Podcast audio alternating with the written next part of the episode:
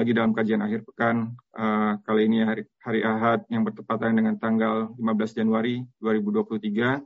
Kali ini kita uh, mengambil tema topik atau zakat, infak, dan sedekah ya Ustaz ya. Perbedaan dan keutamaannya.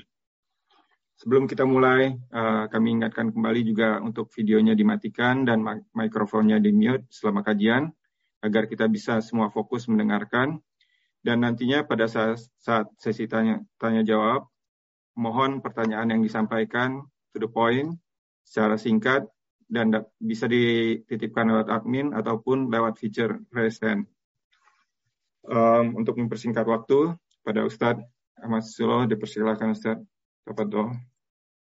Jazakallahu khairan. Bismillah.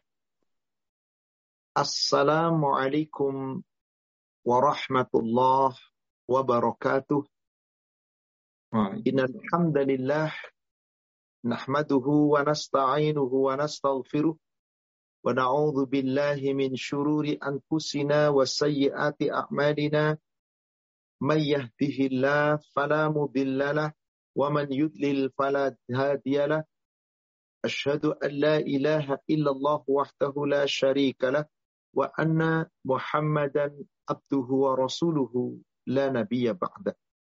اللهم صل وسلم وبارك على محمد وعلى آله وأصحابه أجمعين. ومن تبعهم بإحسان إلى يوم الدين. أما بعد. يا أيها الذين آمنوا اتقوا الله حق تقاته ولا تموتن إلا وأنتم مسلمون. يا أيها الذين آمنوا اتقوا الله وقولوا قولا سديدا. يصلح لكم أعمالكم ويغفر لكم ذنوبكم ومن يطع الله ورسوله فقد فاز فوزا عظيما معاشر المسلمين والmuslimat rahimani wa rahimakumullah Bapak Ibu jamaah Majlis Taklim Rumah Dakwah United Kingdom yang semoga dirahmati Allah dan para jamaah dari manapun berada yang mengikuti kajian kita di malam hari ini yaitu di siang hari di waktu UK dan malam hari waktu Indonesia bagian Barat. Alhamdulillah malam ini atau siang ini kita dipertemukan oleh Allah Subhanahu wa taala. Di dalam kajian kita yang insya Allah kita akan membedah makna daripada zakat, sodakoh, dan infak, perbedaan dan keutamaannya. Di dalam Al-Quran, Allah yang paling sering menyebut adalah infak. Dan sodakoh pun Allah menyebutkan. Hanya sedikit sekali. Ayat yang menyebutkan tentang sodakoh. Demikian pula tentang zakat. Kewajiban yang Allah bebankan kepada umat Islam. Dan salah satu dari rukun Islam yang lima. Tetapi ketika Allah menyebut kata infak betapa banyak dalam Al-Quran. Apa perbedaannya antara zakat, infak, sodakah? Dan apa keutamanya dari masing-masingnya? Tentu kita tidak bisa mengamalkan suatu perintah Allah dengan baik kecuali kita mengetahui ilmunya. Kita tidak bisa menunaikannya dengan tepat kecuali tahu ilmunya. Karena saudaraku seiman, yang namanya zakat infak sodako itu sangat-sangat akrab di telinga seorang muslim. Sering disingkat dengan ZIS, zakat infak sodakoh. Maka lembaga-lembaga, badan-badan tentang zakat infak sodako bertebaran. Terutama di Indonesia ini. Yang menyodorkan nomor rekening kepada setiap jamaah yang mau menyumbangnya. Tanpa kita ketahui siapa mereka. Dulu hanya ada bazis, lazis, badan infak zakat zakat infak sodako, lembaga zakat infak sodako. Sekarang subhanallah membludak. Tentu kita sebagai seorang muslim agar bisa tepat sasaran dalam menunaikan itu, wajib kita mengetahui dulu apa maknanya, lalu apa perbedaannya, bagaimana keutamannya. Salawat serta salam semoga terlimpahkan, tercurahkan kepada Nabi kita Muhammad Rasulullah Sallallahu Alaihi Wasallam. Semoga tercurah kepada seluruh keluarga, sahabat dan seluruh pengikutnya hingga yomil akhir. Secara bahasa, saya sebutkan dulu tentang sodakah. Secara bahasa, Sodakoh itu mencakup secara umum. Dan bukan hanya melalui harta saja. Yang akan kita bahas nanti perbedaan zakat, infak, sodakoh itu terkait dengan harta. Tapi secara umum, semua perbuatan baik itu sodakoh. Dalam hadis yang diriatkan oleh Imam Bukhari, lafaznya berasal dari sumbernya dari Jabir bin Abdullah hadis yang diriwayatkan oleh Imam Muslim, maka lafaznya dari sahabat yang lain, yaitu dari sahabat yang bernama Abu Syaibah. Semoga Allah meridai mereka berdua. Qala Rasulullah sallallahu alaihi wasallam, "Kullu ma'ruf sadaqah." Setiap perbuatan-perbuatan yang baik itu adalah sedekah. Kullu ma'rufin sadaqah. Setiap perbuatan baik itu sadaqah. Apa pun. Bukan hanya dengan harta. Ini secara umum dulu tentang makna sadaqah. Semua perbuatan baik.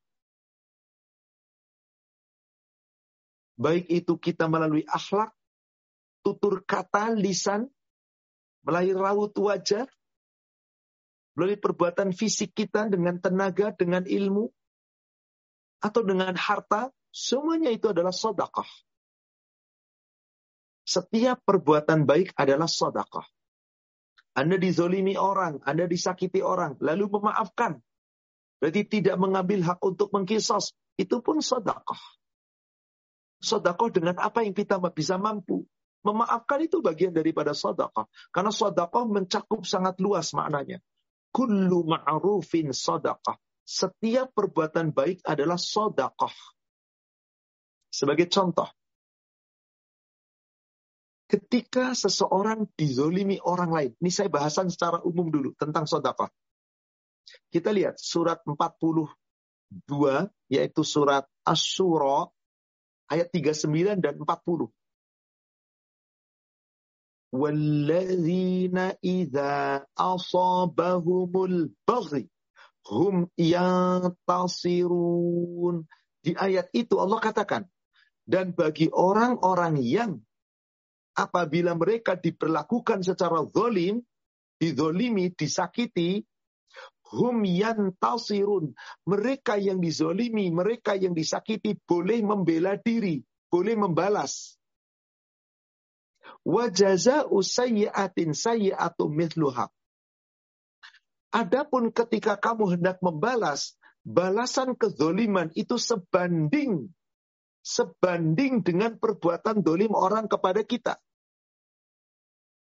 Tapi kemudian di tengah ayatnya ada kalimat, Faman afa, maka barang siapa yang mau memaafkan, wa aslaha, lalu memperbaiki diri, fa ajruhu Allah. Maka ada pahala di sisi Allah pahalanya atas Allah. Jadi di sini ada orang disakiti boleh membela diri, yaitu membalas. Tapi balasannya sebanding. Tapi Allah berikan kepada kita kesempatan untuk kalau kamu mau memaafkan, maka pemaafanmu akan mendapatkan pahala dari Allah.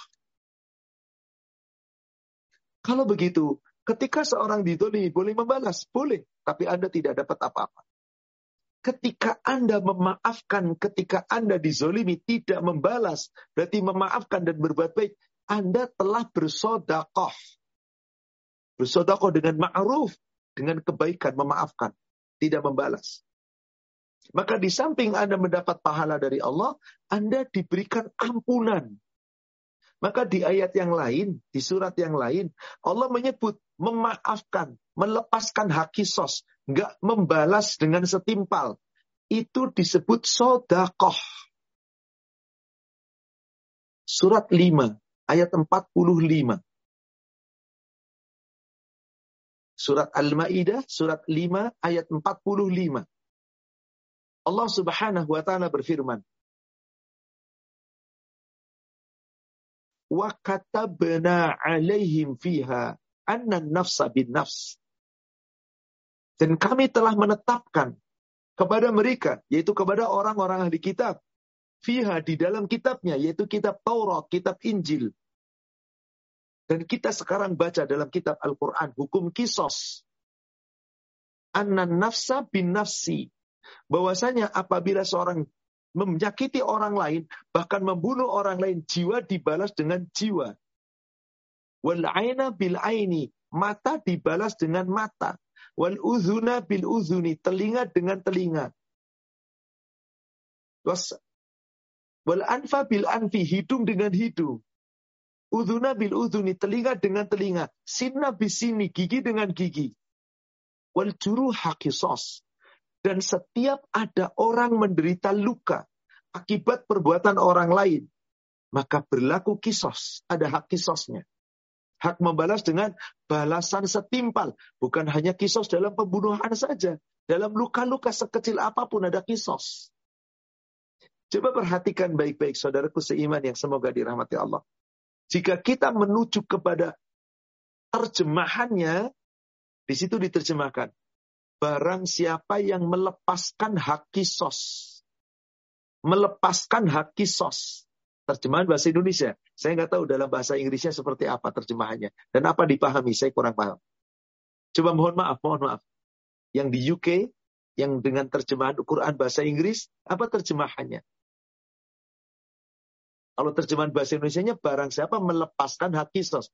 Dalam UK, bahasa Inggrisnya apa terjemahannya? Apa? Barangkali admin bisa memberikan jawaban. Artinya apa di sana? Secara pemahaman.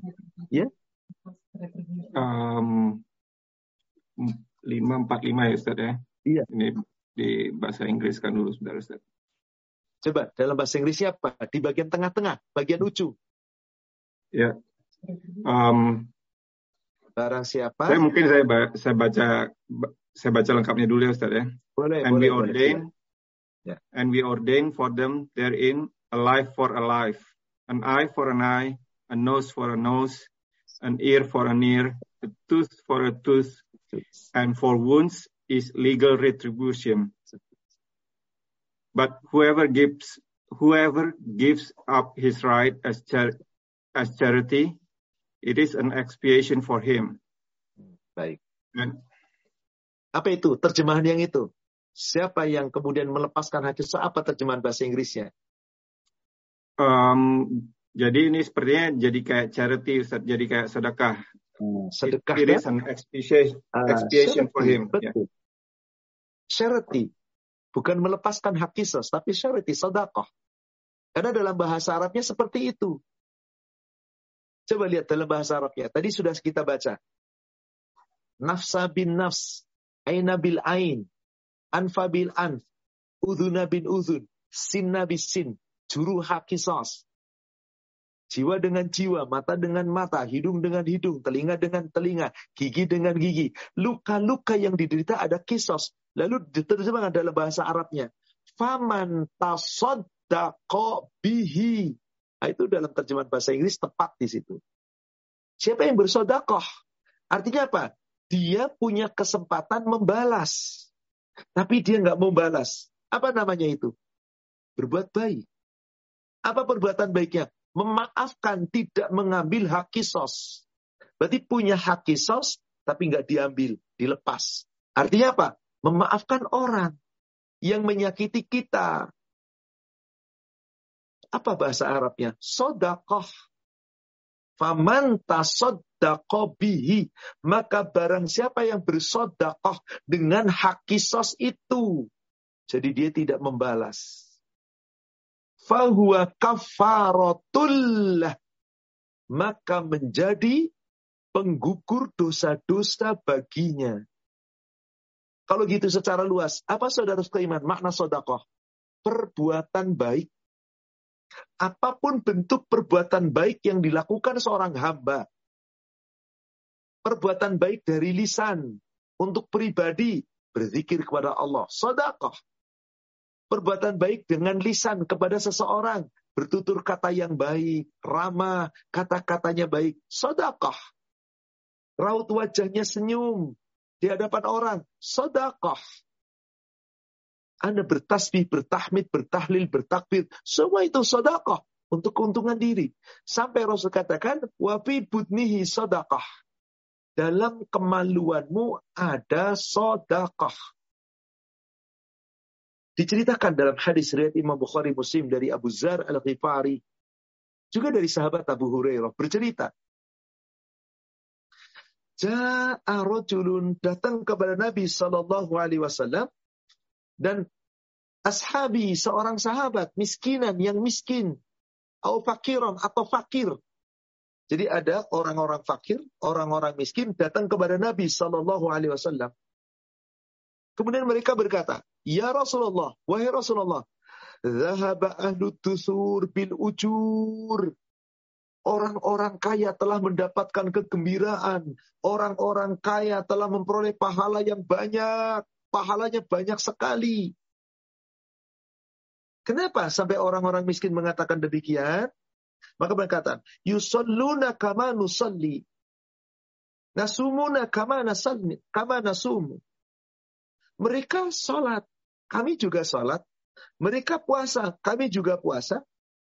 Wa yatasaddaquna bi fuduli amwalihim.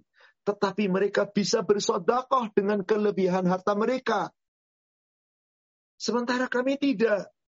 Mereka punya harta. Bersodakoh dengan harta. Kami nggak bisa. Dia bisa berjihad dengan hartanya, berbagi dengan hartanya, membiayai perang dengan hartanya. Mereka bisa. Berarti sholatnya dia dapat pahala, puasanya dapat pahala. Sama, kami juga dapat. Tapi mereka dapat kelebihan pahala dari harta yang disodakohkan. Tapi kami tidak, karena kami fakir, kami miskin. Mendengar kata-kata sahabat-sahabat yang fakir itu, maka Rasulullah Shallallahu Alaihi Wasallam bersabda, "Qala awalaisa qad ja'alallahu lakum ma tasaddaquna?" Bukankah Allah telah menjadikan untukmu segala sesuatu yang ada padamu bisa dipakai untuk sodakoh, bisa dipakai untuk sodakoh. Subhanallah. Bisa disodakohkan. Wakulu takbir sodakoh. Wakulu tahmid sodakoh. Wakulu tasbih sodakoh. Wakulu tahlil sodakoh. Semua perbuatan baikmu. Kamu bertakbir sodakoh. Kamu bertasbih sodakoh. Bertahmid sodakoh. Bertahlil sodakoh. Jadi ketika Anda zikir, La ilaha illallah. Sadaqah. Allahu Akbar. Sadaqah. Subhanallah. Sadaqah. Alhamdulillah. Sadaqah. Wa amara bil ma'ruf sadaqah. Wa nanha anil mulkar sadaqah. Nyuruh orang berbuat baik, sadaqah. Larang orang berbuat mungkar, sadaqah. Wa fi budai ahadikum sadaqah. Bahkan di dalam auratmu, di dalam kemaluanmu ada sadaqah. Maka Rasul ditanya, ya Rasulullah, apakah kalau kami menggauli istri kami, kami dapat pahala?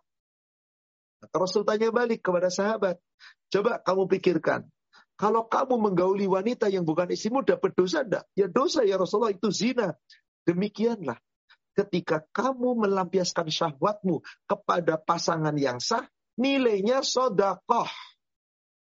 Jadi apa makna sodakoh di sini? Kullu ma'rufin sodakoh setiap perbuatan baik adalah sodakoh. Jadi sodakoh sifatnya apa? Umum. Bisa dengan harta, bisa dengan akhlak, bisa dengan tenaga, bisa dengan ilmu. Dengan cara apa pun kita bisa mendapatkan nilai pahala sodakoh. Sampai memaafkan pun sodakoh. Inilah dia makna sodakoh. Maka sodako itu sifatnya menyeluruh, universal, umum, apa pun yang kita lakukan. Maka zakat bagian sodako, infak pun bagian dari sodako. Tapi terkadang Allah menyebut kata-kata zakat dengan sodako, kadang-kadang Allah menyebut kata-kata zakat dengan infak. Sekarang kita pelajari dulu makna yang kedua, infak. Saya awali dari sodako, infak, kemudian nanti zakat. Infak. Infak kata dasarnya dari nafako. Anfako, yanfaku. Apakah secara bahasa artinya nafako itu membelanjakan. Belanja. Kalau orang belanja berarti apa? Mengeluarkan hartanya untuk mendapatkan sesuatu. Coba, Anda belanja pakaian. Keluar duit Anda, Anda dapat pakaian Anda belanja makanan, keluar duit Anda, Anda dapat makanan. Maka secara bahasa, infak, nafako, anfako, yanfaku, infakun, itu artinya adalah membelanjakan. Itulah kata-kata infak. Dan infak bisa jadi zakat. Infak jadi sodakoh. Sodakoh pun jadi zakat, jadi infak. Jadi ketiga-tiganya itu secara bahasa, itu memiliki arti yang boleh jadi sama. Tetapi secara makna, nanti akan berbeda. Dan keutamaannya pun berbeda. Tapi secara bahasa dulu. Nafkah, infak, anfakun, artinya membelanjakan. Berbelanja. Apa tujuan Anda belanja? Untuk mendapatkan sesuatu. Maka orang berinfak pasti akan mengeluarkan harta. Dan kenapa dia mengeluarkan harta? Ada tujuan supaya dapat sesuatu ada tujuan supaya mendapatkan sesuatu. Maka infak artinya membelanjakan harta. Kita akan beberapa ayat Al-Quran tentang itu. Saudara sekalian, para laki-laki itu membelanjakan hartanya kepada istri. Memberikan kebutuhan.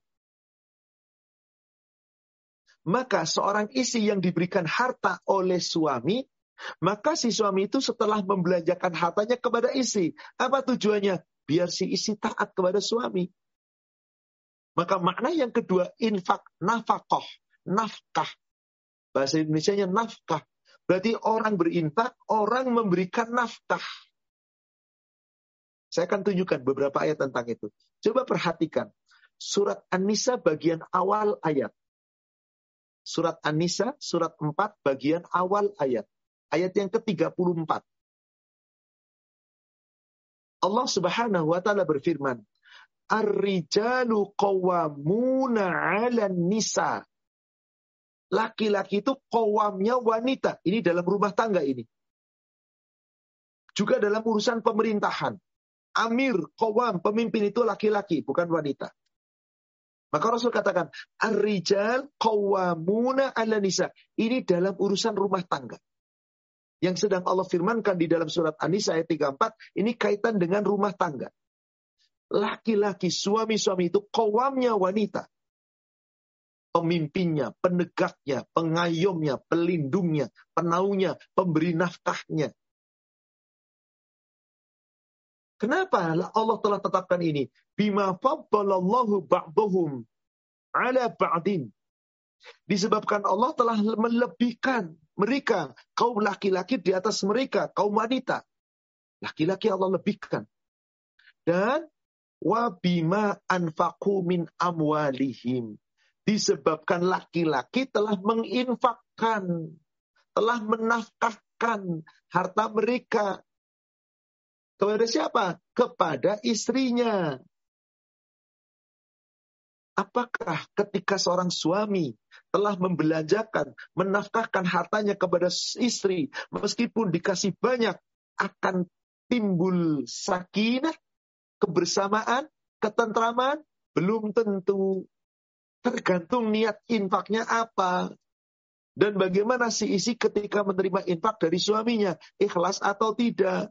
Untuk ketaatan apa untuk kemaksiatan. Maka jika kita lanjutkan sedikit ayatnya dikatakan, Fasalihatu qanitatun hafizatun lil ghaib bima hafizallah. Wanita-wanita, istri-istri yang salihat adalah istri-istri yang senantiasa qanita taat baik kepada Allah maupun kepada suaminya. Hafizat menjaga diri meskipun suaminya tidak ada di rumah gaib, tidak ada.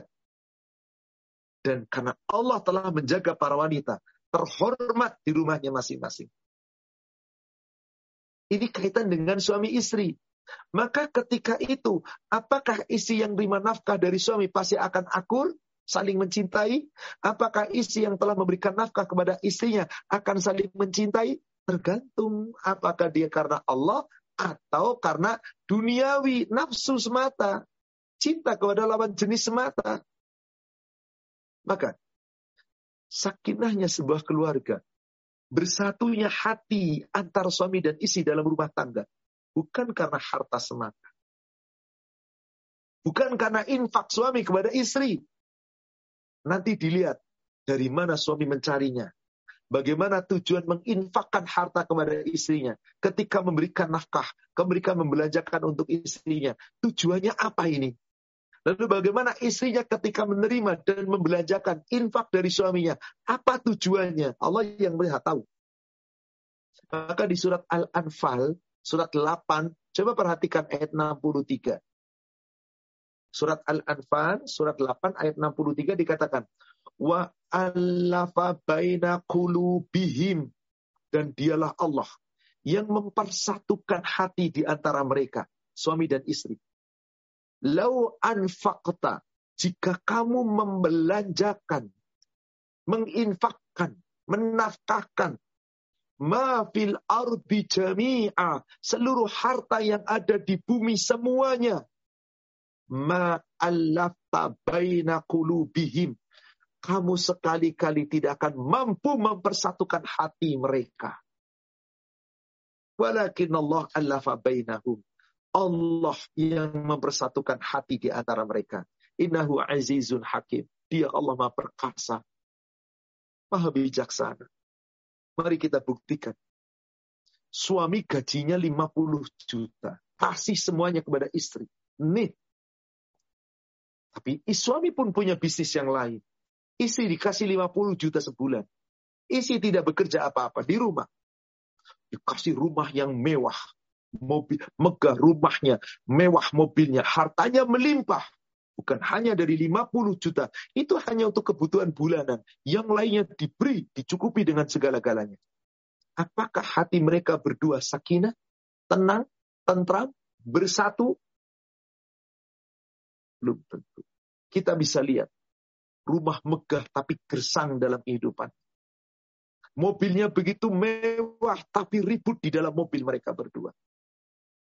Rumahnya betapa lapang tapi sempit dada penghuninya. AC-nya begitu dingin tapi panas bergemuruh isi hatinya. Kenapa? Karena tujuannya bukan karena Allah. Boleh jadi cintanya suami kepada istri ya sekedar hawa nafsu. Dia masih mencintai yang lain. Bisa jadi di luar sana dia menyeleweng. Na'udzubillah. Si istri pun demikian. Diterima dengan senang hati. Apa yang diberikan infak daripada suaminya. Nafkah dari suaminya. Tapi di luar itu dia pun menyeleweng. Na'udzubillah. Gak bisa bersatu. Kenapa? Tujuannya apa? Maka saudara sekalian, infak itu bisa bermakna negatif, bisa bermakna positif. Coba, orang kafir infak nggak? Infak, membelanjakan hartanya. Tapi di jalan apa? Di jalan tohut. Kesesatan. Maka berapapun infaknya nggak diterima oleh Allah. Orang beriman infak? Infak. Di mana?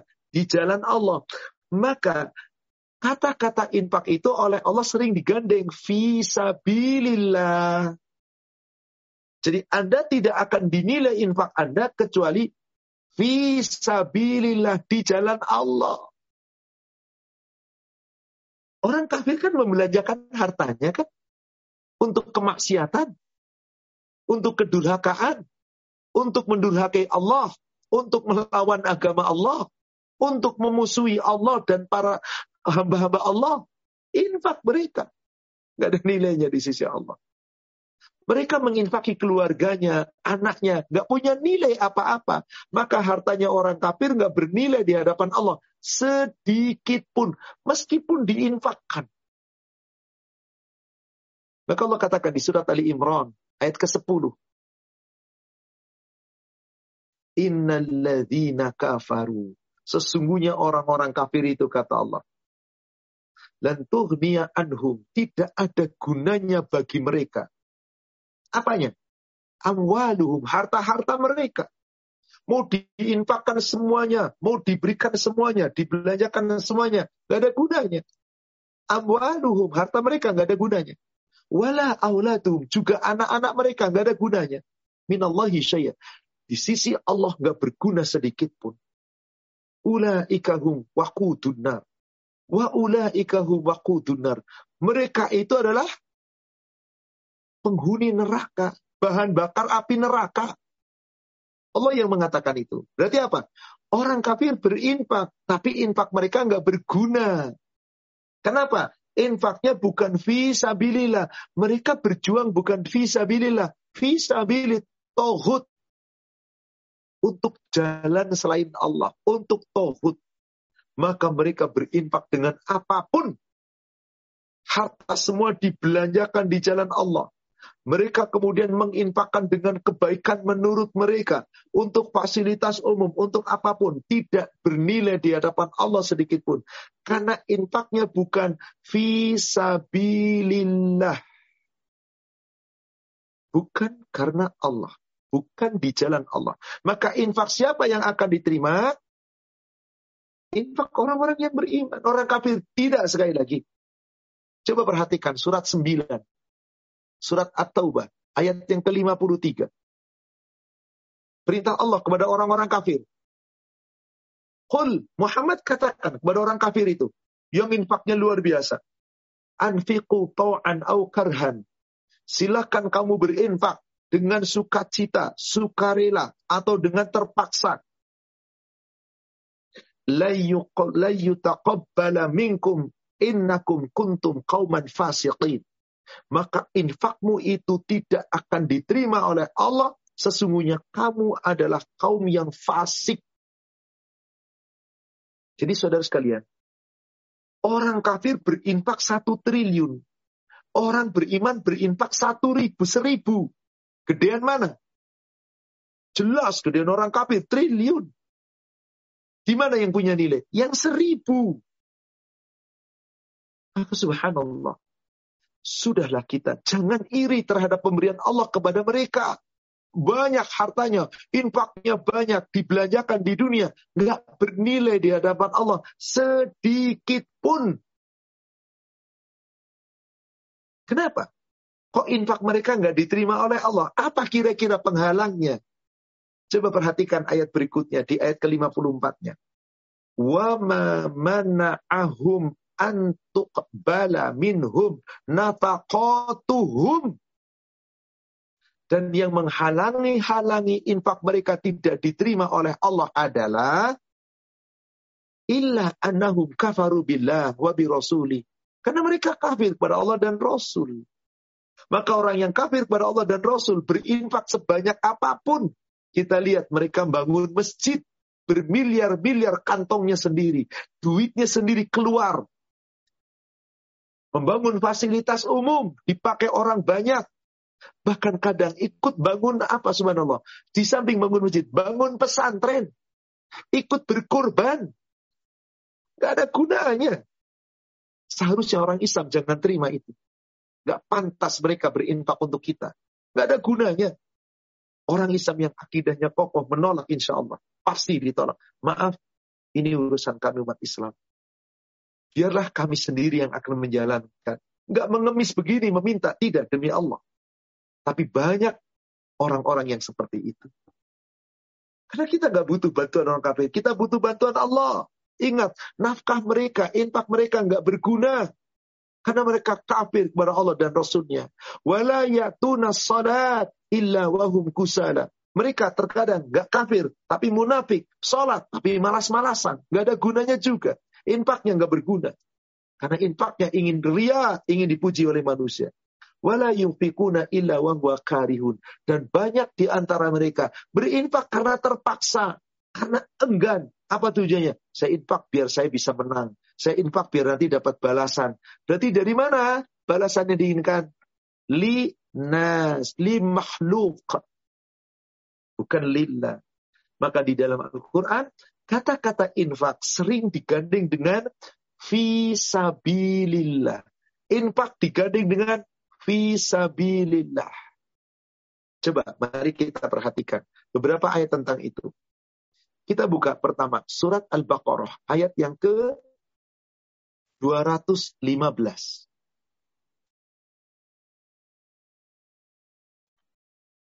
Atau yang ada tambahan visabilillah, kita lihat Al-Baqarah yang 267 dulu.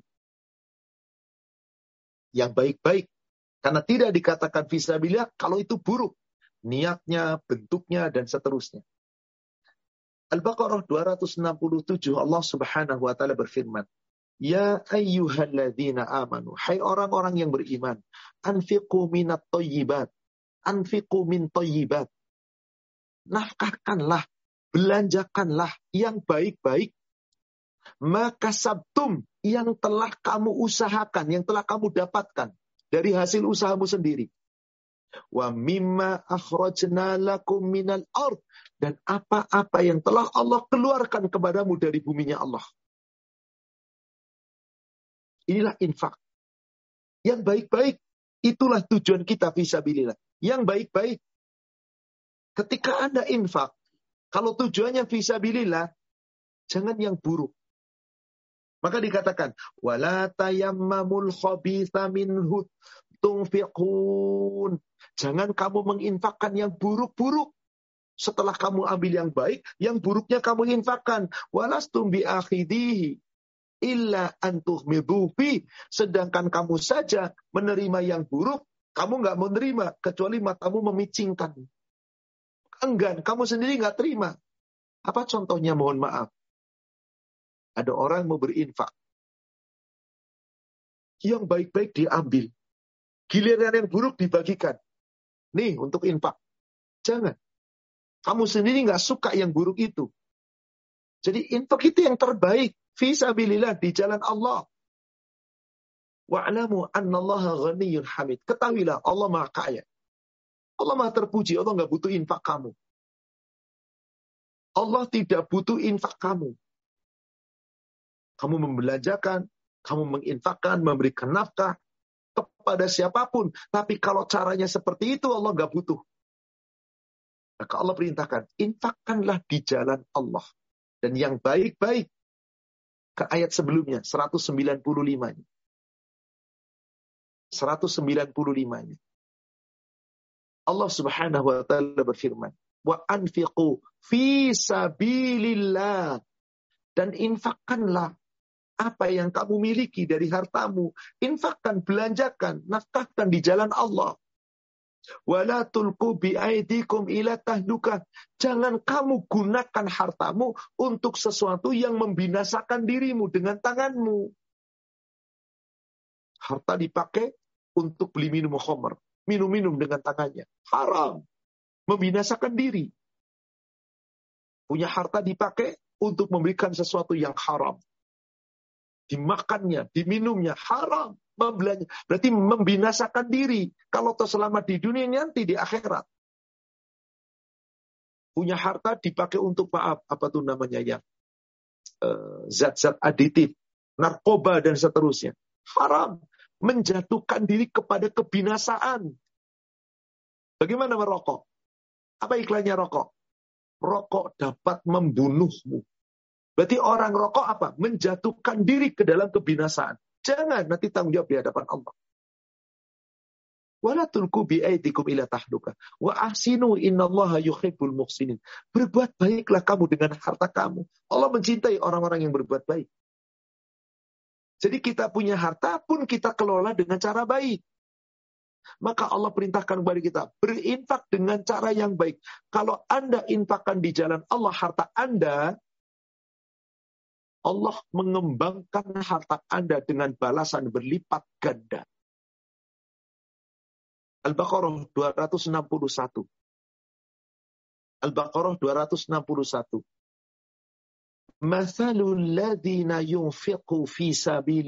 Kamathali habba.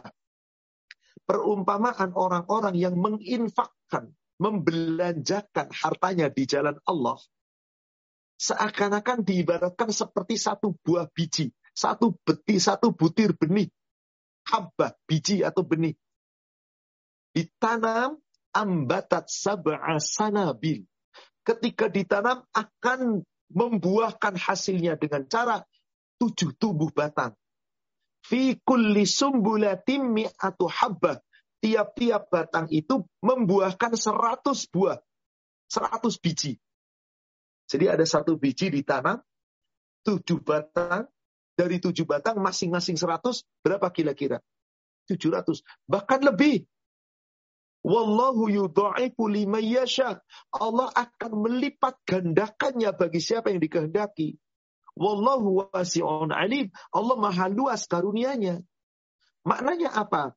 Ketika seorang berinfak ikhlas karena Allah, infakkan di jalan Allah, maka mendapatkan keutamaan dibalas oleh Allah berlipat ganda.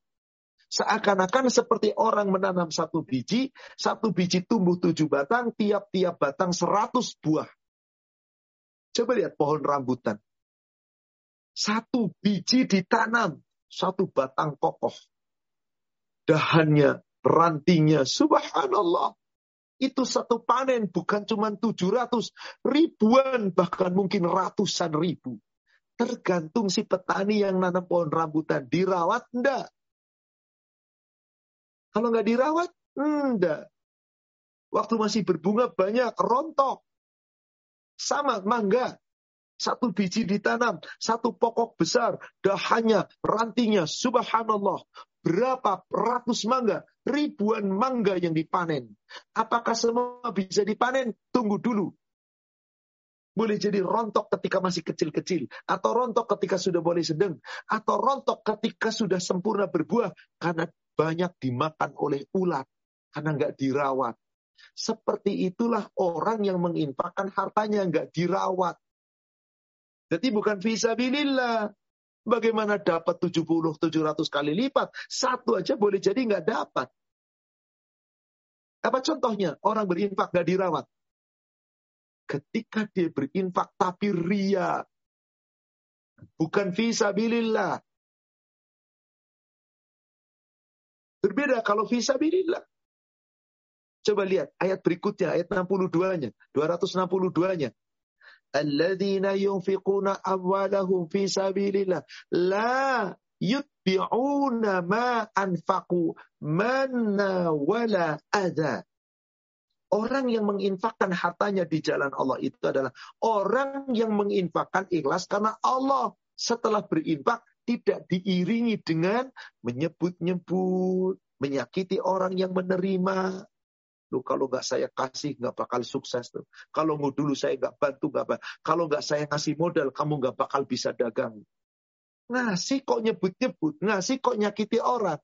Berarti orang itu apa? Infak bukan visabilillah. Ngomongnya dia visabilillah.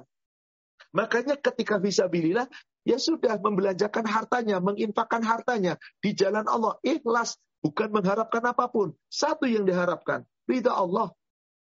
Lahum ajruhum inda rabbihim, wala khawfun alaihim, wala hum yahzanun. Maka mereka dapat pahala dari Allah. Balasan yang sempurna dan mereka tidak ada rasa takut dan tidak duduk kacita. Kenapa? Infaknya visabilillah. Tapi gimana kalau infaknya ria? Saya berinfak biar orang muji, saya orang dermawan. Saya berinfak biar nanti orang balas apa yang saya infakkan. Dia pun berbuat baik sama saya. Saya berinfak, saya bersodakoh, saya mengeluarkan harta biar nanti saya kepilih menjadi pemimpin. Supaya nanti orang-orang milih saya. Apa nilainya di hadapan Allah? Nol besar. Gak dapat apa-apa. Itulah infak. Jadi semua perbuatan baik kita dengan harta yang kita bisa lakukan. Infak. Tapi ingat, visabilillah. Kapan pun, ke mana pun. Jadi wahai para suami, Anda membelajarkan harta kepada istri Anda, infak. Anda memberikan kepada orang tua pun infak. Tapi ingat, ikhlas. Gimana kalau nggak ikhlas? Coba lihat, masih Al-Baqarah. Tapi 264-nya. 264-nya.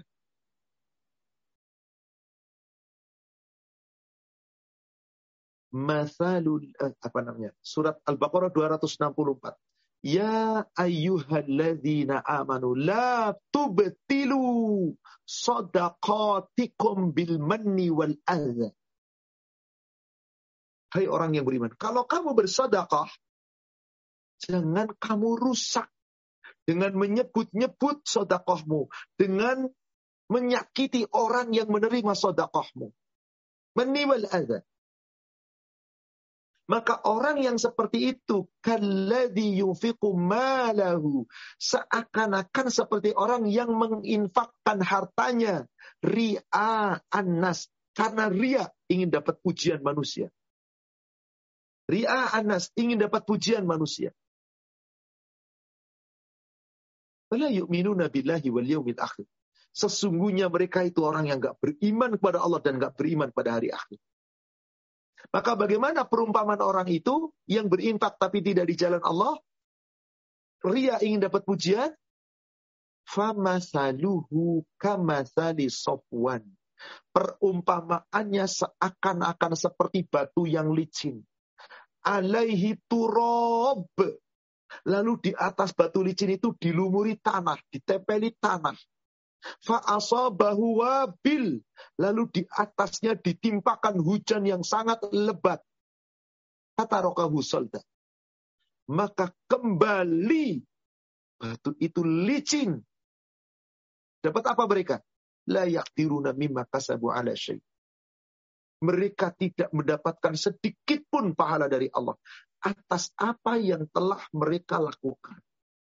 Jadi perumpamaan orang berinfak tapi bukan visabilillah. Ria ingin dapat balasan manusia apa?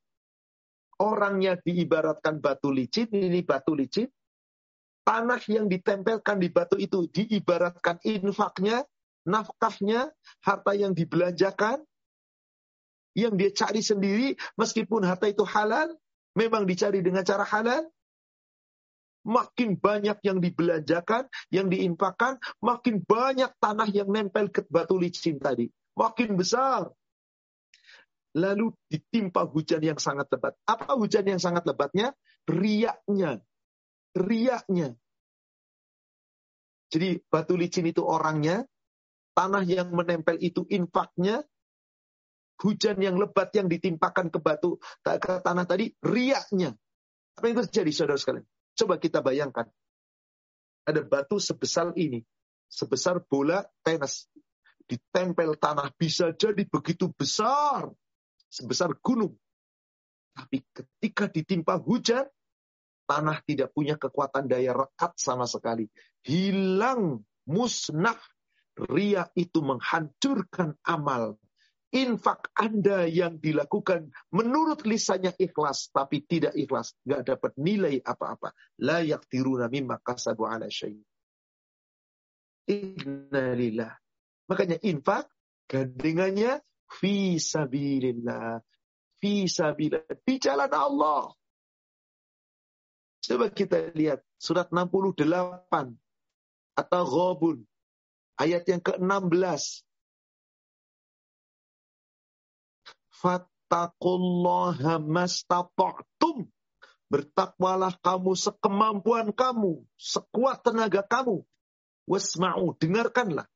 Wa api'u, dan taatilah. Wa anfiqu khairan.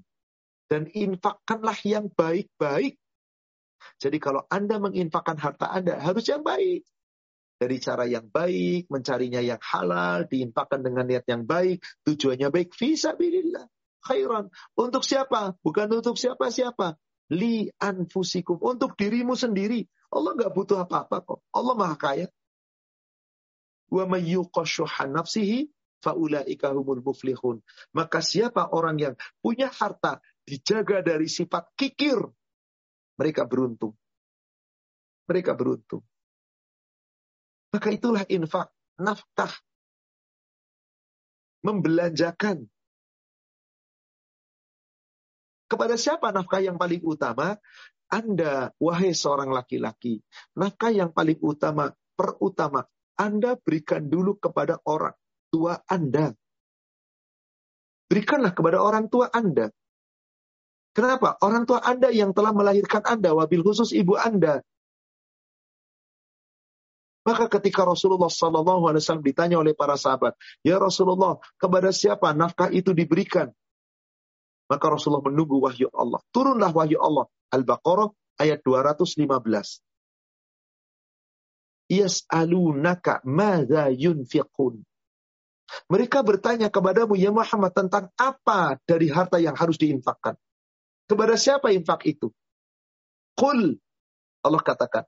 Kasih jawaban oleh Allah. Ya Muhammad katakan, ma anfaqtum min khairin sekali lagi. Infak sifat fisabilillah itu harus yang terbaik. Ikhlas niatnya. Dari harta yang halal. Berikan yang terbaik. Min khairin. Walil walidain. Pertama kamu perhatikan orang tua Anda. Berikan infak pada orang tua Anda. Wal akrobin, kerabat-kerabat yang dekat, orang terdekat. Siapa orang paling dekat Anda? Para suami ya tentu saja istri. Tadi membelanjakan, menginfakkan, mencedakokan, yaitu apa? Memberikan nafkah kepada istri. Wal yatama, kepada anak-anak yatim. Wal masakin, orang-orang miskin. Wabnas sabil, dan juga kepada orang yang sedang dalam perjalanan.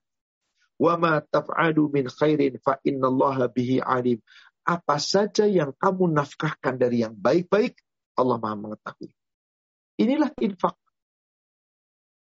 Kita sudah paham sekarang. Ada zakat, ada sodakoh, ada infak. Di mana tadi bedanya sodakoh itu? Sodakoh secara makna adalah sodakoh. Memberi. Berbuat baik. Kullu ma'ruf. Kebaikan-kebaikan. Dengan cara apa pun. Tapi lebih kita kerucutkan tentang harta. Maka nanti ada keutamaan tersendiri. Adapun secara mana semua kebaikan. Infak, memberi nafkah, mengeluarkan hartanya untuk dibelanjakan di jalan Allah. Itu yang dapat nilai. Kalau tidak di jalan Allah, tidak dapat apa-apa. Maka Allah selalu perintah, infakkan yang terbaik, infakkan yang terbaik. Allah nggak butuh yang buruk-buruk. Bagaimana mungkin kita kasih untuk Allah yang buruk-buruk? Maka ketika Anda menginfakkan, ketika Anda menyodakokan harta Anda, di jalan Allah dengan cara yang baik, seakan-akan Anda sedang memberi pinjaman kepada Allah. Allah yang akan membalas dengan berlipat ganda. Seperti yang Allah firmankan di surat Al-Baqarah 245. Al-Baqarah 245. Madzalladzi yuqridullaha qarban hasana. Barang siapa yang mau memberikan pinjaman kepada Allah dengan pinjaman yang baik. Jadi ketika Anda bersodakah, Anda berinfak kepada orang-orang yang kita cintai untuk di jalan Allah. Itu seakan-akan Anda sedang memberikan pinjaman kepada Allah. Ingat, pinjaman yang baik. Fayud yuda'ifahu lahu ad'afan kesira. Maka Allah akan melipat gandakan bagi kamu balasan dari sadaqahmu, dari infakmu. Lipat ganda yang banyak. Lipat ganda yang banyak. Wallahu yakbidu wa yabsut. Allah yang melipat gandakan. Allah pula yang menyempitkan yang melapangkan harta kita dibalas berlipat ganda Allah tergantung niatmu karena apa. Allah pula yang menyempitkan kalau Anda tidak ikhlas. Tapi orang nggak ikhlas makin lapang Ustaz. Lapang dunianya, sempit dada Anda, sempit nanti akhiratnya. Diberi apa oleh Allah di sini? Dibalas dengan balasan berlipat ganda.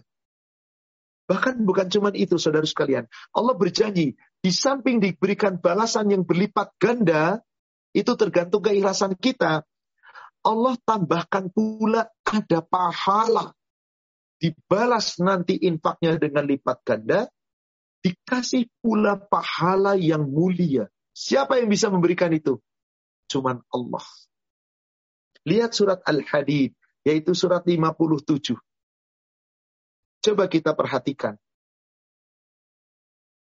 Dari ayat yang sepuluh.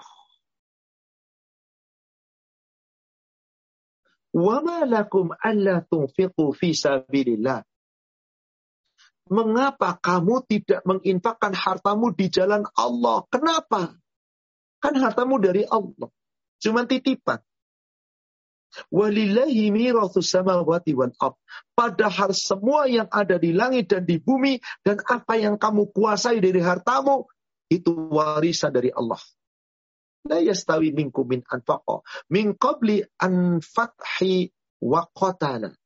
Allah berfirman, tidak sama orang yang menginkarkan hartanya di jalan Allah. Di antara kamu dan berperang sebelum penaklukan kota Mekah. Itu yang paling tinggi. Kenapa? Perjuangannya lebih dahsyat. Adapun setelah Fatu Mekah, Islam sudah diraihnya kemenangan-kemenangan. Maka siapa orang yang lebih tinggi derajatnya? Orang-orang yang Islam yang menginfakkan hartanya dalam visabilillah sebelum terjadi Fatu Mekah. Allah katakan, Ulaika darajatan minal anfaqu min ba'du faqatalu. Mereka lebih besar pahalanya dibandingkan orang-orang yang berinfak setelah Fatu Mekah itu. Karena kemenangan sudah diraih. Wa kullan wa'adallahul husna. Maka semuanya itu dijanjikan oleh Allah kepada masing-masing. Mereka dapat balasan yang baik. Tapi yang paling baik tadi yang sebelum. Karena ikhlasnya luar biasa.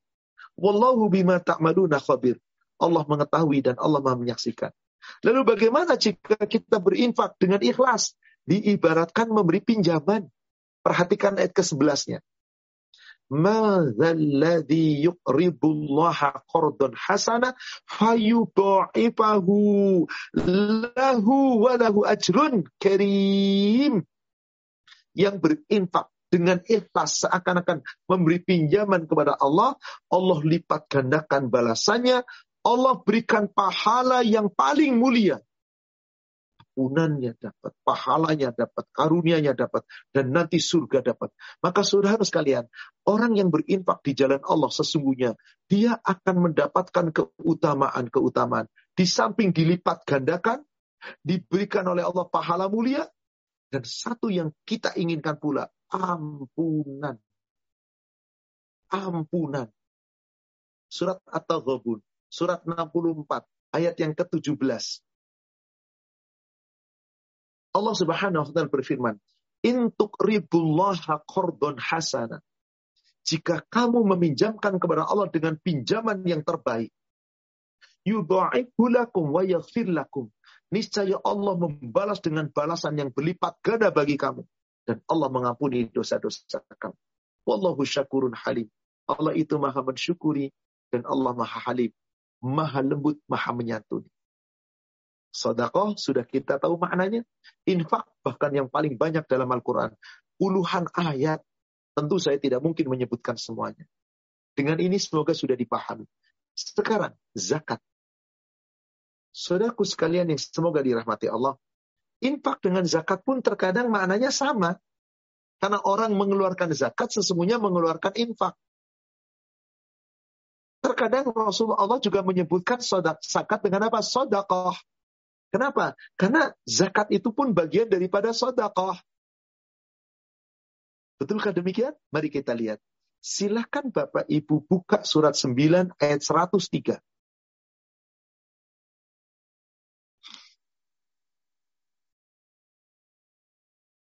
Surat 9 ayat 103. Allah Subhanahu wa taala berfirman, "Khudh min amwalihim sodakotan Coba perhatikan.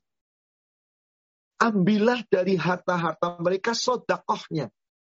Terjemahannya apa di situ? Zakat. Kenapa dikatakan zakat? Sodakoh. Zakat itu sodakoh. Tapi sodakoh wajib. Hukumnya wajib. Yang diatur. Maka apa di sini fungsi zakat? Sebagai sodakoh. Tapi sodakoh yang wajib. Apa keutamaannya? Apa fungsi zakat? Tutohirohum wa tuzakihim biha. Zakat itu untuk membersihkan harta dan menyucikan jiwa. Hartanya bersih, suci jiwa orang yang berzakat. Wasalli alaihim. Maka berdoalah kepada mereka yang mengeluarkan zakat. Inna salata kasakanullahu. Doamu akan menenteramkan jiwa mereka. Wallahu sami'un alim. Allah maha mendengar, Allah maha mengetahui. Jika kita merujuk kepada ayat ini, apa namanya? Sodakah. Kenapa Allah sebut zakat itu sodakoh? Iya, sodakoh wajib. Sodakoh wajib. Karena perintah diambil. Maka di dalam hadis yang diriatkan oleh Imam Bukhari Muslim, dan lafaznya bagi Imam Bukhari, dari sahabat Abdullah bin Abbas, ketika bercerita, ba'atha Nabi sallallahu alaihi wasallam Mu'adh ibn Jabal ila al-Yaman. Fadhakara fi hadith tawilan. Nabi Shallallahu Alaihi Wasallam telah mengutus Muaz bin Jabal menuju ke Yaman, dakwah di sana. Lalu dijelaskan dalam hadis yang panjang. Di antara hadis itu dijelaskan Di dalamnya dikatakan, Rasul bersabda kepada Muaz bin Jabal, Innallaha qad iftarada alaihim sadaqatan fi amwalihim. Hai Muaz, nanti kamu sampaikan kepada orang-orang Yaman yang telah masuk Islam. Sesungguhnya Allah telah memfardukan, Allah telah mewajibkan di dalam harta-harta orang-orang yang kaya di antara mereka sodakotan fi amwalihim ada kewajiban sodakoh dari harta mereka. Maka terjemahan dalam hadis itu sodakoh itu adalah zakat. Karena zakat itu apa? Sodakoh wajib yang ditentukan waktunya, ditentukan nisabnya, ditentukan haulnya, ditentukan berapa besarannya, ditentukan kepada siapa diberikannya. Maka wajib. Dari harta-harta mereka. Tukhadu min wa turaddu fi fuqaraihim.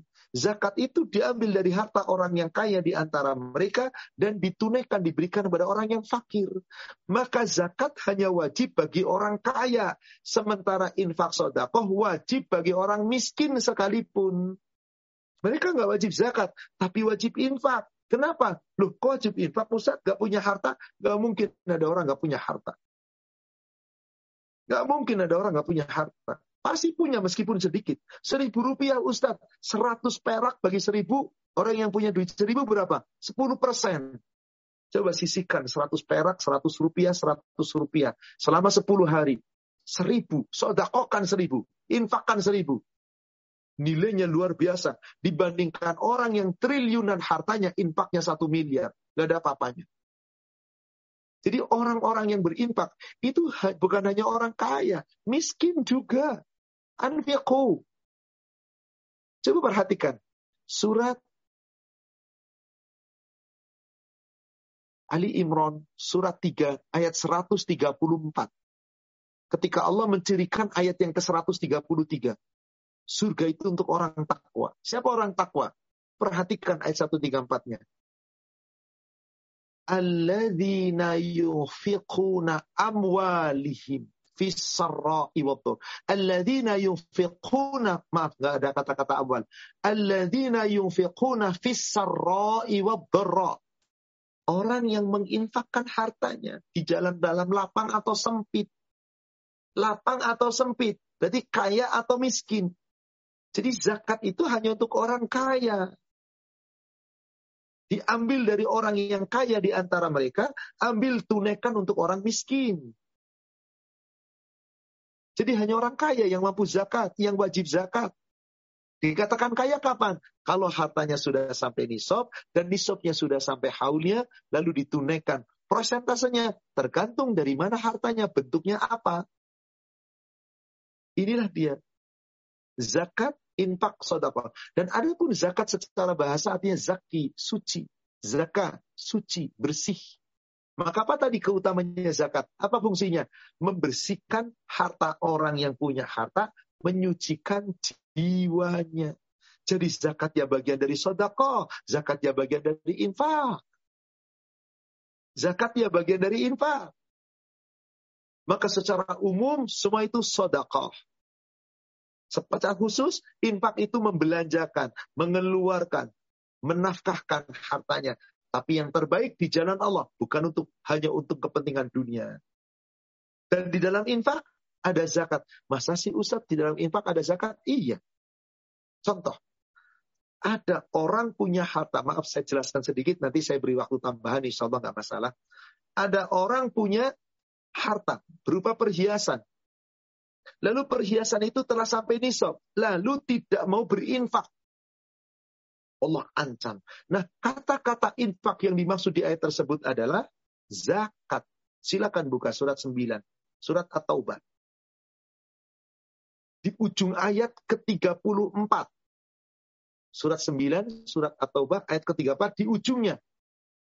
وَالَّذِينَ يَكْنِزُونَ الذَّهَبَ وَالْفِضَّةَ وَلَا يُنْفِقُونَهَا فِي سَبِيلِ اللَّهِ orang-orang yang menyimpan emas dan perak yang mereka tidak menginfakkan di jalan Allah. Maka fabashirhum bi'adzabin alim. sampaikan kabar gembira kepada mereka dapat azab yang sangat pedih. Para ulama telah sepakat. Yang dimaksud infak di sini adalah zakat. Yaitu harta yang disimpan berupa perhiasan, tapi nggak dikeluarkan zakatnya. Maka itu menjadi kanzin. Perbendaharaan yang mencelakakan. Maka di ayat 35-nya, perhatikan ayat 35-nya. Yauma yuhma alaiha binari jahannam fatukwa biha jibahuhum wa junubuhum wa zuhuruhum. Ingatlah nanti, pada hari ketika harta, perhiasan yang disimpan oleh mereka, yang tidak diinfakkan di jalan Allah, maka dipanaskan harta itu berupa emas, perak, dan perhiasan, disetrikakan, ditimpakan ke dahi mereka, lambung mereka, punggung mereka, apa kata Allah? Inilah harta yang kamu simpan untuk dirimu sendiri. Fadhuku ma kuntum taknizun. Rasakan atas harta yang kamu simpan. Maka kanz. Ummu Salamah suatu ketika pakai perhiasan dari kalung dari emas. Tapi Ummu Salamah punya harta yang lain. Peninggalan dari Abu Salamah harta waris Abu Salamah dan harta waris milik anak yatim yang masih dikuasainya dipegang. Karena anak yatimnya masih kecil. Lalu pakai perhiasan. Tanya sama Rasulullah. Ya Rasulullah, apakah ini simpanan? Nih, aku pakai kalung. Apakah ini simpanan? Rasul mengatakan, jika kamu telah tunaikan zakatnya, maka perhiasanmu bukan simpanan. Jadi apa yang dimaksud emas simpanan? Emas yang disimpan oleh pemiliknya, yang nggak dikeluarkan zakatnya. Maka itu menjadi simpanan yang mencelakakan. Maka infak pun berupa soda, berupa zakat. Sebut disebut oleh Allah infak. Tapi secara bahasa sekali lagi, ada beda. Ada sodako, ada infak, ada zakat. Masing-masing memiliki makna yang berbeda. Masing-masing memiliki fungsi yang berbeda. Masing-masing memiliki keutamaan yang berbeda. Waktunya tidak memungkinkan untuk lebih detail menjelaskan. Sekarang saya baru membahas secara bahasa dulu. Nanti bagaimana perbedaannya zakat, infak, sodako. Nah, kita akan bahas di pertemuan yang akan datang. Insya Allah. Karena kalau tidak dibalas dulu secara bahasa, ayat-ayat nanti kita rancu. Setelah kita paham artinya ayat ini, apa artinya sodako, apa artinya infak, apa artinya sodako, apa artinya zakat, kita sudah tahu perbedaannya masing-masing, kita sudah tahu bagaimana arti dari masing-masing, bagaimana pengguna masing-masing. Insya Allah untuk sesi berikutnya kita akan membahas di mana fungsinya dan perbedaannya, cara menunaikannya, bagaimana besarannya dan aturannya. Insya Allah kita bahas di pertemuan yang akan datang. Wallahu a'lam. Kami kembalikan kepada Akhirolan sebagai admin. Moderator silakan untuk kita bisa lanjutkan dengan sesi tanya jawab. Jazakallah khair Ustaz. Um, ini kira-kira ada berapa lama nih Ustaz waktu untuk tanya jawabnya? Saya kasih kesempatan 25 menit akhir. Oh, Oke okay, Ustaz. Insya Allah. Uh, ini sudah ada lima pertanyaan yang masuk. Untuk pertanyaan pertama saya akan bacakan Ustaz. Bismillah Ustaz, apakah kalau kita menjual tanah atau rumah sedangkan kita ada hutang, bolehkah hutang tersebut ditunda pembayarannya dengan alasan akan dibayar nanti dengan uang dari perolehan lain yang mungkin akan didapat? Dan apakah penjualan tanah atau rumah tersebut langsung dibayarkan zakatnya? Saudaraku seiman, Andai Anda mampu bayar hutang dan telah jatuh tempo, yang terbaik bayarkan, jangan ditunda. Karena ada hadis riwayat Imam Muslim dari Jabir bin Abdullah, "Maplul ghaniyu zulmun." Ada orang mampu bayar hutang, sedangkan sudah jatuh tempo bayar hutangnya, ditunda-tunda, zolim. Sampai dalam hadis yang lain dikatakan, layul wajidu yuhillu irdahu wa aqubatahu. Ada orang mampu bayar utang tapi ditunda-tunda sehingga menunda pembayaran sedangkan orang itu sudah butuh. Orang itu halal kehormatannya dan halal harga dirinya, halal siksaannya. Dirampas hartanya boleh, tapi bukan dengan debt collector, dengan cara yang patut. Maka menurut hemat saya, sudah lunasi. Nanti Anda punya hutang, punya uang dari yang lain, kan Anda bisa untuk Anda sendiri. Yang penting sudah lunas. Kenapa? Anda nggak tahu kan kapan nyawa akan dicabut. Lalu bagaimana jika Anda ternyata mati membawa hutang? Nafsul mu'min mu'allaqatun bidainihi hatta yubdo alaih. Jiwa seorang mukmin terkatung-katung, tertahan untuk masuk surga. Sampai hutang itu dilemasi. Sampai beres hutangnya, baru jadi alangkah baiknya segera. Apakah nanti harus ditunaikan zakatnya saat penjualan? Tidak. Karena zakat itu terkait dengan haul. Ketika jualan dapat hartanya banyak sampai nisab pasti terkait dengan haul. Tapi apakah wajib infak sodakoh? Wajib. Tunaikan infak sodakoh. Karena infak sodakoh tidak terkait dengan haul. Maka penjelasan detailnya insya Allah pertemuan yang akan datang. Demikian. Wallahu Baik, Ustaz. Untuk pertanyaan berikutnya, ini mungkin juga terkait dengan perhitungan zakat nih Ustaz. Assalamualaikum Ustaz, izin bertanya. Terkait zakat mal, apakah tetap berlaku untuk seseorang yang sudah pensiun, yang hingga saat ini belum mempunyai pemasukan? Beliau masih ada tanggungan istri dan satu anak yang masih kuliah. Sementara ini kebutuhan sehari-hari masih menggunakan uang tabungan. Jazakallah khair. Saudaraku seiman, ini Sorry, sorry, sorry.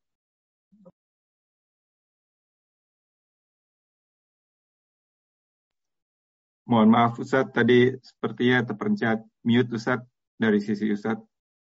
Mohon maaf. Afwan. Oke. Okay. Saudaraku seiman, zakat itu jangan dilihat saya pensiunan, saya cuma punya tabungan, saya masih tanggungan, ada anak kuliah, jangan. Zakat itu bukan dilihat dari sisi itu. Anda duitnya sudah sampai nisab belum? Kalau duit Anda sampai nisab, meskipun nggak punya penghasilan apa-apa, pensiunan katakanlah, tetap wajib bayar zakat. Kalau sudah sampai di sop dan pada saat haulnya, jangan dilihat, tapi kan saya biayanya gimana nanti untuk makan, untuk hidup, untuk kuliah, jangan dilihat begitu. Karena zakat ada aturan tersendiri. Insya Allah detailnya nanti kita akan bahas. Penanya insya Allah jika mengikuti kajian kita di bulan yang akan datang, pertemuan seperti yang kita sudah uh, biasa jadwalkan, setiap hari akad pekan ketiga pada Isya, insya Allah kita bisa dapat jawabannya. Secara detail. Tapi hanya secara sesingkat saja, bahwa jangan hanya berlihat seperti itu. Selama masih lama Anda sampai nisab, keluarkan zakatnya. Di saat telah tiba haulnya. Jangan dilihat saya nggak punya pekerjaan, saya cuma pensiunan, saya cuma punya tabungan. Jangan, jangan. Tapi sampai di sop atau tidak harta. Maka itulah ada. Kita wajib tahu apa bedanya sodakoh, infak, zakat. Apa bedanya? Bagaimana nanti fungsinya? Kalau kita nggak tahu, nanti kita jangan-jangan nggak pernah bayar zakat. Merasakan apa? Nggak punya pekerjaan. Sudah pensiun dan seterusnya. Padahal hartanya telah sampai nisab. Demikian, Allah Baik Ustaz. Uh, pertanyaan ketiga, saya akan kembali share. Assalamualaikum Ustaz. Jika suami belum menunaikan zakat karena fakir ilmu, bisakah istri yang membayarkan zakat beliau dari simpanan uang belanja yang diberikan suami? Saudaraku sekalian, bukan begitu caranya. Ini kekeliruan. Fakir ilmu, sampaikan sekarang tahu ilmunya. Semoga ada rekamannya. Disampaikan nih loh. Maknanya tuh begini. Ini artinya sodako, ini artinya infak, ini artinya zakat. Nanti lebih detailnya bulan depan insya Allah. Jangan fakir ilmu terus-terusan fakir. Jangan. Ini ilmu kita ibadah kok. Zakat itu rukun Islam yang kelima loh. Eh, rukun Islam dari lima rukun Islam loh. Gak menunaikan zakat sama saja Anda tidak sempurna Islamnya. Jadi bukan begitu caranya. Udahlah nggak apa-apa lah isinya aja yang bayar zakat dari uang hasil sisa belanjanya. Nggak begitu. Lihat, uang itu milik siapa? Ya dia yang wajib bayar zakat. Kecuali suami punya uang, dititip kepada istri. Ini isi kamu kelola hartanya. Suami tidak tahu menahu. Berapa harta yang dimiliki. Adalah pokoknya istri. Ini uang siapa? Ya uang saya lah. Kamu kan isi, kelola saja. Nanti kamu pun akan saya kasih uang. Misal, misal. Berarti uangnya suami. Maka jika dalam pengelolaan istri, tanpa sepengetahuan suami, karena suami fakir ilmu, nggak tahu tentang zakat, istri yang mengeluarkan zakatnya halal. Memang dari duit itu. Kalau tadi kan berbeda. Suami punya kekayaan, sudah sampai nisab, haulnya sudah sampai, nggak mau bayar zakat, nggak pernah bayar zakat. Sementara isinya punya simpanan uang, dikeluarkan dari situ, nggak bisa. Kalau toh mau ngomong sama suaminya, Mas, hartanya emas adalah 500 juta. Zakatnya 12 juta 500, sudah setengah persen. Dan ini sudah sampai haul mas. Sudah sampai nisob. Jauh dari nisob. Haul harus bayar zakat. Kalau mas nggak mau bayar zakat, biar saya yang bayarkan zakatnya. Dari uang belanja yang saya senantiasa diberi. Saya punya simpanan. 12,5 juta, saya bayarkan zakatnya. Semoga uang mas bersih. Ya udah bayar aja zakat duit kamu. Halal. Berarti istri bersodakoh kepada suami, hasil sodakohnya istri diberikan untuk bayar zakat. Tapi suami tetap berdosa.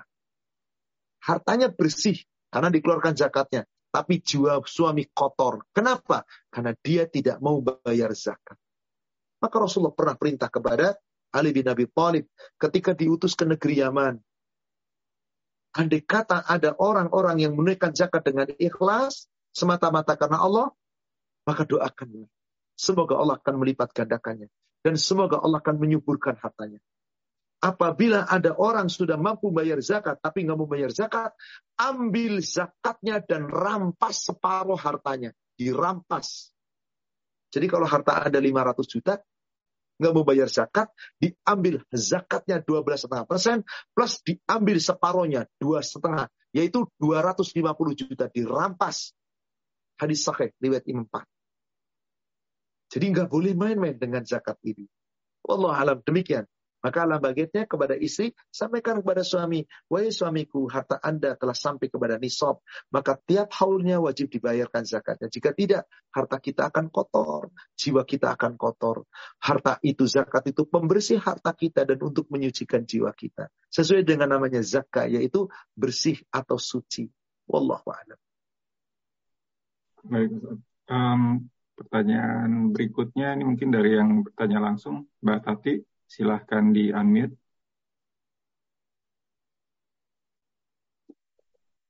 Assalamualaikum Ustaz. Waalaikumsalam warahmatullahi nah, wabarakatuh. Saya ini melihat terlalu banyak fundraising uh, di mana-mana. Dan fundraising kan publik Ustaz. Kita tidak tahu apa, dari mana uang asalnya orang memberi itu. Terus bagaimana kita apa, sebagai... Apa, Ibu sebentar, Ibu sebentar Ibu. Tadi kurang jelas Ibu terlalu banyak di mana apa? Tentang apa? Fundraising. Fundraising apa? Fundraising itu uh, buat Mas Roland. Fundraising, itu apa ya? Apa? Uh, saya, fundraising saya itu penggalangan dana, Ustaz. Penggalangan dana, penggalangan dana, penggalangan apa? dana. Seperti di Indonesia dana. kan, ya. Seperti okay. di Indonesia saya lihat di mana-mana di jalan-jalan pakai surat penggalangan dana. Tapi di sini itu resmi boleh begitu, fundraising boleh, penggalangan dana di mana-mana pun boleh. Tapi tidak boleh door ke door, tidak boleh pintu ke pintu. Hanya di satu tempat yang tertentu dan itu uh, uh, dibolehkan oleh pemerintah sini. Lalu kalau kita misalnya mau bangun masjid, kita punya fundraising di situ, uh, yang masuk kan umum Ustaz, tidak tahu siapa itu uang dari mana dan bagaimana. Terus hukumnya gimana begitu itu? Jazakumullah khair. Iya. Saudara seiman, sesungguhnya Islam tidak menganjurkan demikian. Kalau toh ada penggalangan dana, sesungguhnya resmi. Jelas proyeknya apa, siapa yang bertanggung jawab, untuk apa, jelas semuanya. Cuman itu di negara kita ini. Karena saking banyaknya orang yang, maaf, banyak penggalangan dana tapi nakal, dolim. Kami pernah mengalami itu di masjid kami. Orang datang dari jauh, dari daerah timur sana. Papua dan seterusnya. Membawa foto dan seterusnya. Di situ ada surat tugas resmi dan seterusnya. Katanya apa? Sedang membangun musola, membangun ini, itu, dan seterusnya. Ya tentu saja kami sebagai umat Islam yang menyampaikan dan jamaah antusias. Meskipun banyak yang ya semampunya. Ternyata ke masjid saya tempat ngajar, iya. Satu masjid lagi, iya. Sama. Qadarullah saya didatangi oleh seorang jamaah. Ustadz, apa Kemarin ketika Ustadz di masjid Ustadz menyampaikan ini, ini orang ini sesungguhnya menipu Ustadz. Loh, dari mana antum tahu? Jangan boleh. Jangan gegabah. Jangan Anda suuzon kepada orang. Gak boleh, kecuali ada bukti. Dibeberkan di situ. Ini Ustadz proposal. Ini proposal yang asli. Ini empat tahun yang lalu sebelum COVID. ini sudah ditunaikan. Dan sebelum COVID, sebelum tahun 2020 sudah jadi. Sudah jadi. Semuanya ada dan foto-fotonya ada dan di situ ada blognya. Saya dibuat ah subhanallah iya. Begitu saya lihat eh, apa namanya brosur yang dia sampaikan itu tadi tanggalnya dirubah, alamatnya sama, fotonya sama, foto-foto di tanggal dirubah, nama dirubah. Innalillahi wa inna ilaihi rajiun. Nah, inilah kenapa tadi orang mencari bukan visabilillah, fi pribadi. Maka orang yang seperti itu mengambil harta yang seharusnya di jalan Allah. Dosanya besarnya luar biasa. Tapi sulit untuk bisa dikontrol. Karena Indonesia begitu luas. Makanya Bapak Ibu, jika ingin membuat sumbangan, memberi sumbangan kepada penggalangan dana, jangan sembarangan memberi. Dan tidak setiap orang WA kita ada grup masuk, maka nggak usah meskipun mereka mengemis meminta kepada kita. Kalau nggak jelas, nggak perlu kita memberi. Kenapa? Satu, kita nggak tahu untuk apa. Dua, boleh jadi nanti di sela-sela kita nggak seuzon. Maka kalau kita mau memberi, jelas dulu. Dan si penggalang dana jangan main share rekening, kita nggak tahu siapa yang mau. Jangan. Maka kalau tidak resmi seperti itu, alangkah baiknya kita tidak memberi. Yang resmi saja Dari radio tertentu, TV tertentu, buletin tertentu, ayat tertentu. Yang jelas di situ ada laporan tertentu. Maka untuk ini, apabila memberikan dengan kode tertentu, lalu ada ucapan tertentu, hanya sekedar bukti bahwa ini semuanya resmi. Maka yang seperti itu untuk bermanfaat. Apalagi maaf yang door to door datang ke rumah, yang di pinggir jalan bangun masjid dan itu Islam tidak pernah mendidik seperti itu. Islam tidak pernah seperti itu. Maka pantas ini salah satu tanda akhir zaman kata Rasulullah apa? Orang-orang berlomba-lomba bangun masjid di mana-mana minta bantuan bangun masjid, megahnya masjid ya Allah isinya sepi. Nah, ini yang ditakutkan Rasul. Ternyata ini terjadi dan memang ini salah satu tanda akhir zaman. Wallahu alam. Betul Ibu, jadi kita patut berhati-hati. Demikian ya. wallahu alam. Ya, tapi pertanyaan saya kalau di sini kan kita tidak tahu siapa yang memberi itu. Resmi, fundraisingnya resmi, uh, pendangalan karir resmi, apa saja resmi. Tapi kita tidak bisa jadi yang memberi itu bukan non Muslim. Terus apa bagaimana begitu? Dalam hal ini kita berhusnuzon. Dalam hal no, ini kita tahu, kita tahu benar banyak orang non muslim yang memberi. Oh, kalau non muslim ya jangan dipakai kita... untuk tempat ibadah dong. Kalau ibu tahu seperti itu jangan. Pakai untuk fasilitas umum. Jangan untuk ibadah. Karena Allah telah melarang itu melalui Rasulnya. Jangan diterima. Orang-orang kafir gak ada gunanya. Sudah saya sampaikan tadi ayat-ayatnya. Iya, iya. Ya, jadi, jadi bagaimana kalau kita terima? Bagaimana dengan uh, sekolahan? Bagaimana dengan anak yatim? Berarti boleh, tidak kalau boleh. sekolahan itu kan umum. Hmm. Sekolahan umum. Anak yatim jangan. Anak yatim itu kan khusus. Akan Person. dimakan ya. Ah, jangan. Hmm. Okay. Kita nggak tahu orang kafir dari mana asalnya. Halal ya, haramnya nggak ya. jelas. Jadi ya. kitanya yang kalau begitu kita harus ya memilah-milah. Ya, iya betul. Karena tahu oh ini dari si bulan, dari si bulan, dari si bulan. Hmm. Karena jelas, karena kota Allah resmi. Kalau di negara kita sulit bulannya siapa nggak bakal tahu. Apakah hmm. ini dari hasil hasil cuci money laundry atau apa kita pun nggak pernah tahu. Hmm. Main telan aja nggak bisa. Maka kitanya yang mau meminta sumbangan harus dengan tertib, dengan baik dan benar. Yang memberi sumbangan pun dengan berikan dengan cara yang baik dan benar. Dan saling memberikan laporan. Insya Allah jadi tidak ada suuzon. Demikian Allah a'lam. Baik Ustaz. Uh, saya tambahkan 5 menit lagi, lagi karena sudah lewat 25, saya tambahkan 5 menit lagi sampai 30 okay. tidak. Insya Ustaz. Ini pertanyaan berikutnya Ustaz. Assalamualaikum Ustaz. Ini tentang sedekah. Apakah sedekah jariah atau salah satu dari tiga amalan yang tidak terputus itu bentuk khusus dari sedekah Ustaz? Dan bagaimana cara kita bersedekah untuk orang tua yang sudah meninggal? Apakah perlu diniatkan setiap kali berbuat baik? Ya kalau Ustaz. Kalau kita nanti sebetulnya bahasan ini kepada bahasan pekan depan sodakoh itu tadi. Sodakoh yang dimaksud dengan harta adalah memberikan dana dalam rangka kita mengharapkan balasan dari Allah dan untuk kebaikan. Baik itu kebaikan yang sifatnya temporer saat itu atau kebaikan yang bisa mengalir maka semuanya itu bukan dari zakat, bukan dari infak. Semuanya dari sodakah.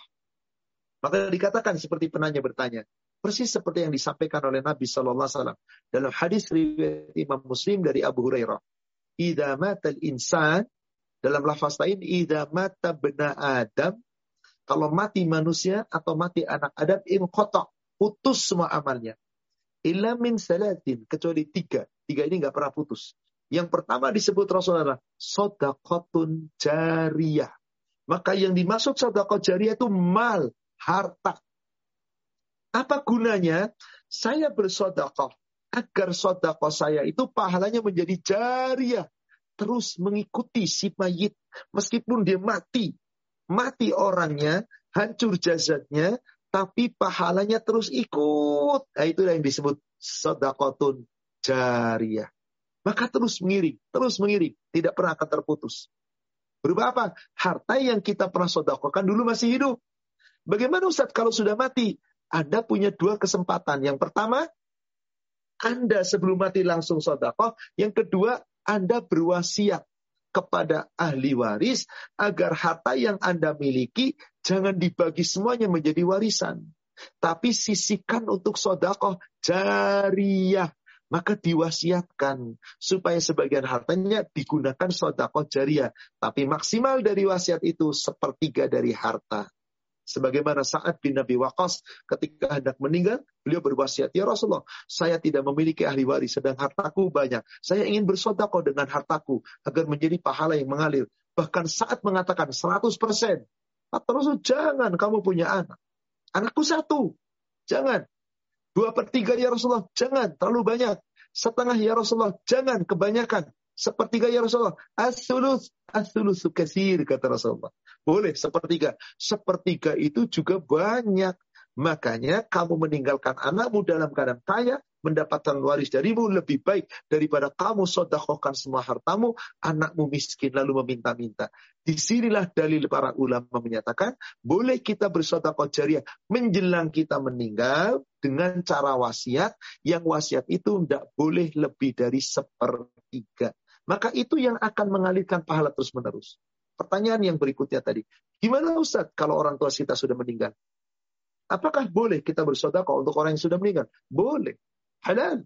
Hadis sahih, riwayat Imam Bukhari Muslim. Dari Ummul Muminin Aisyah. Ada laki-laki datang. Tanya sama Rasul, Ya Rasulullah, ibuku meninggal. Ya Rasulullah, inna umi matat. Ibuku telah meninggal. Tapi tidak sempat memberikan wasiat apa-apa. Maka Rasulullah kemudian ditanya oleh laki-laki tersebut. Afalaha ajrun intasoddakti?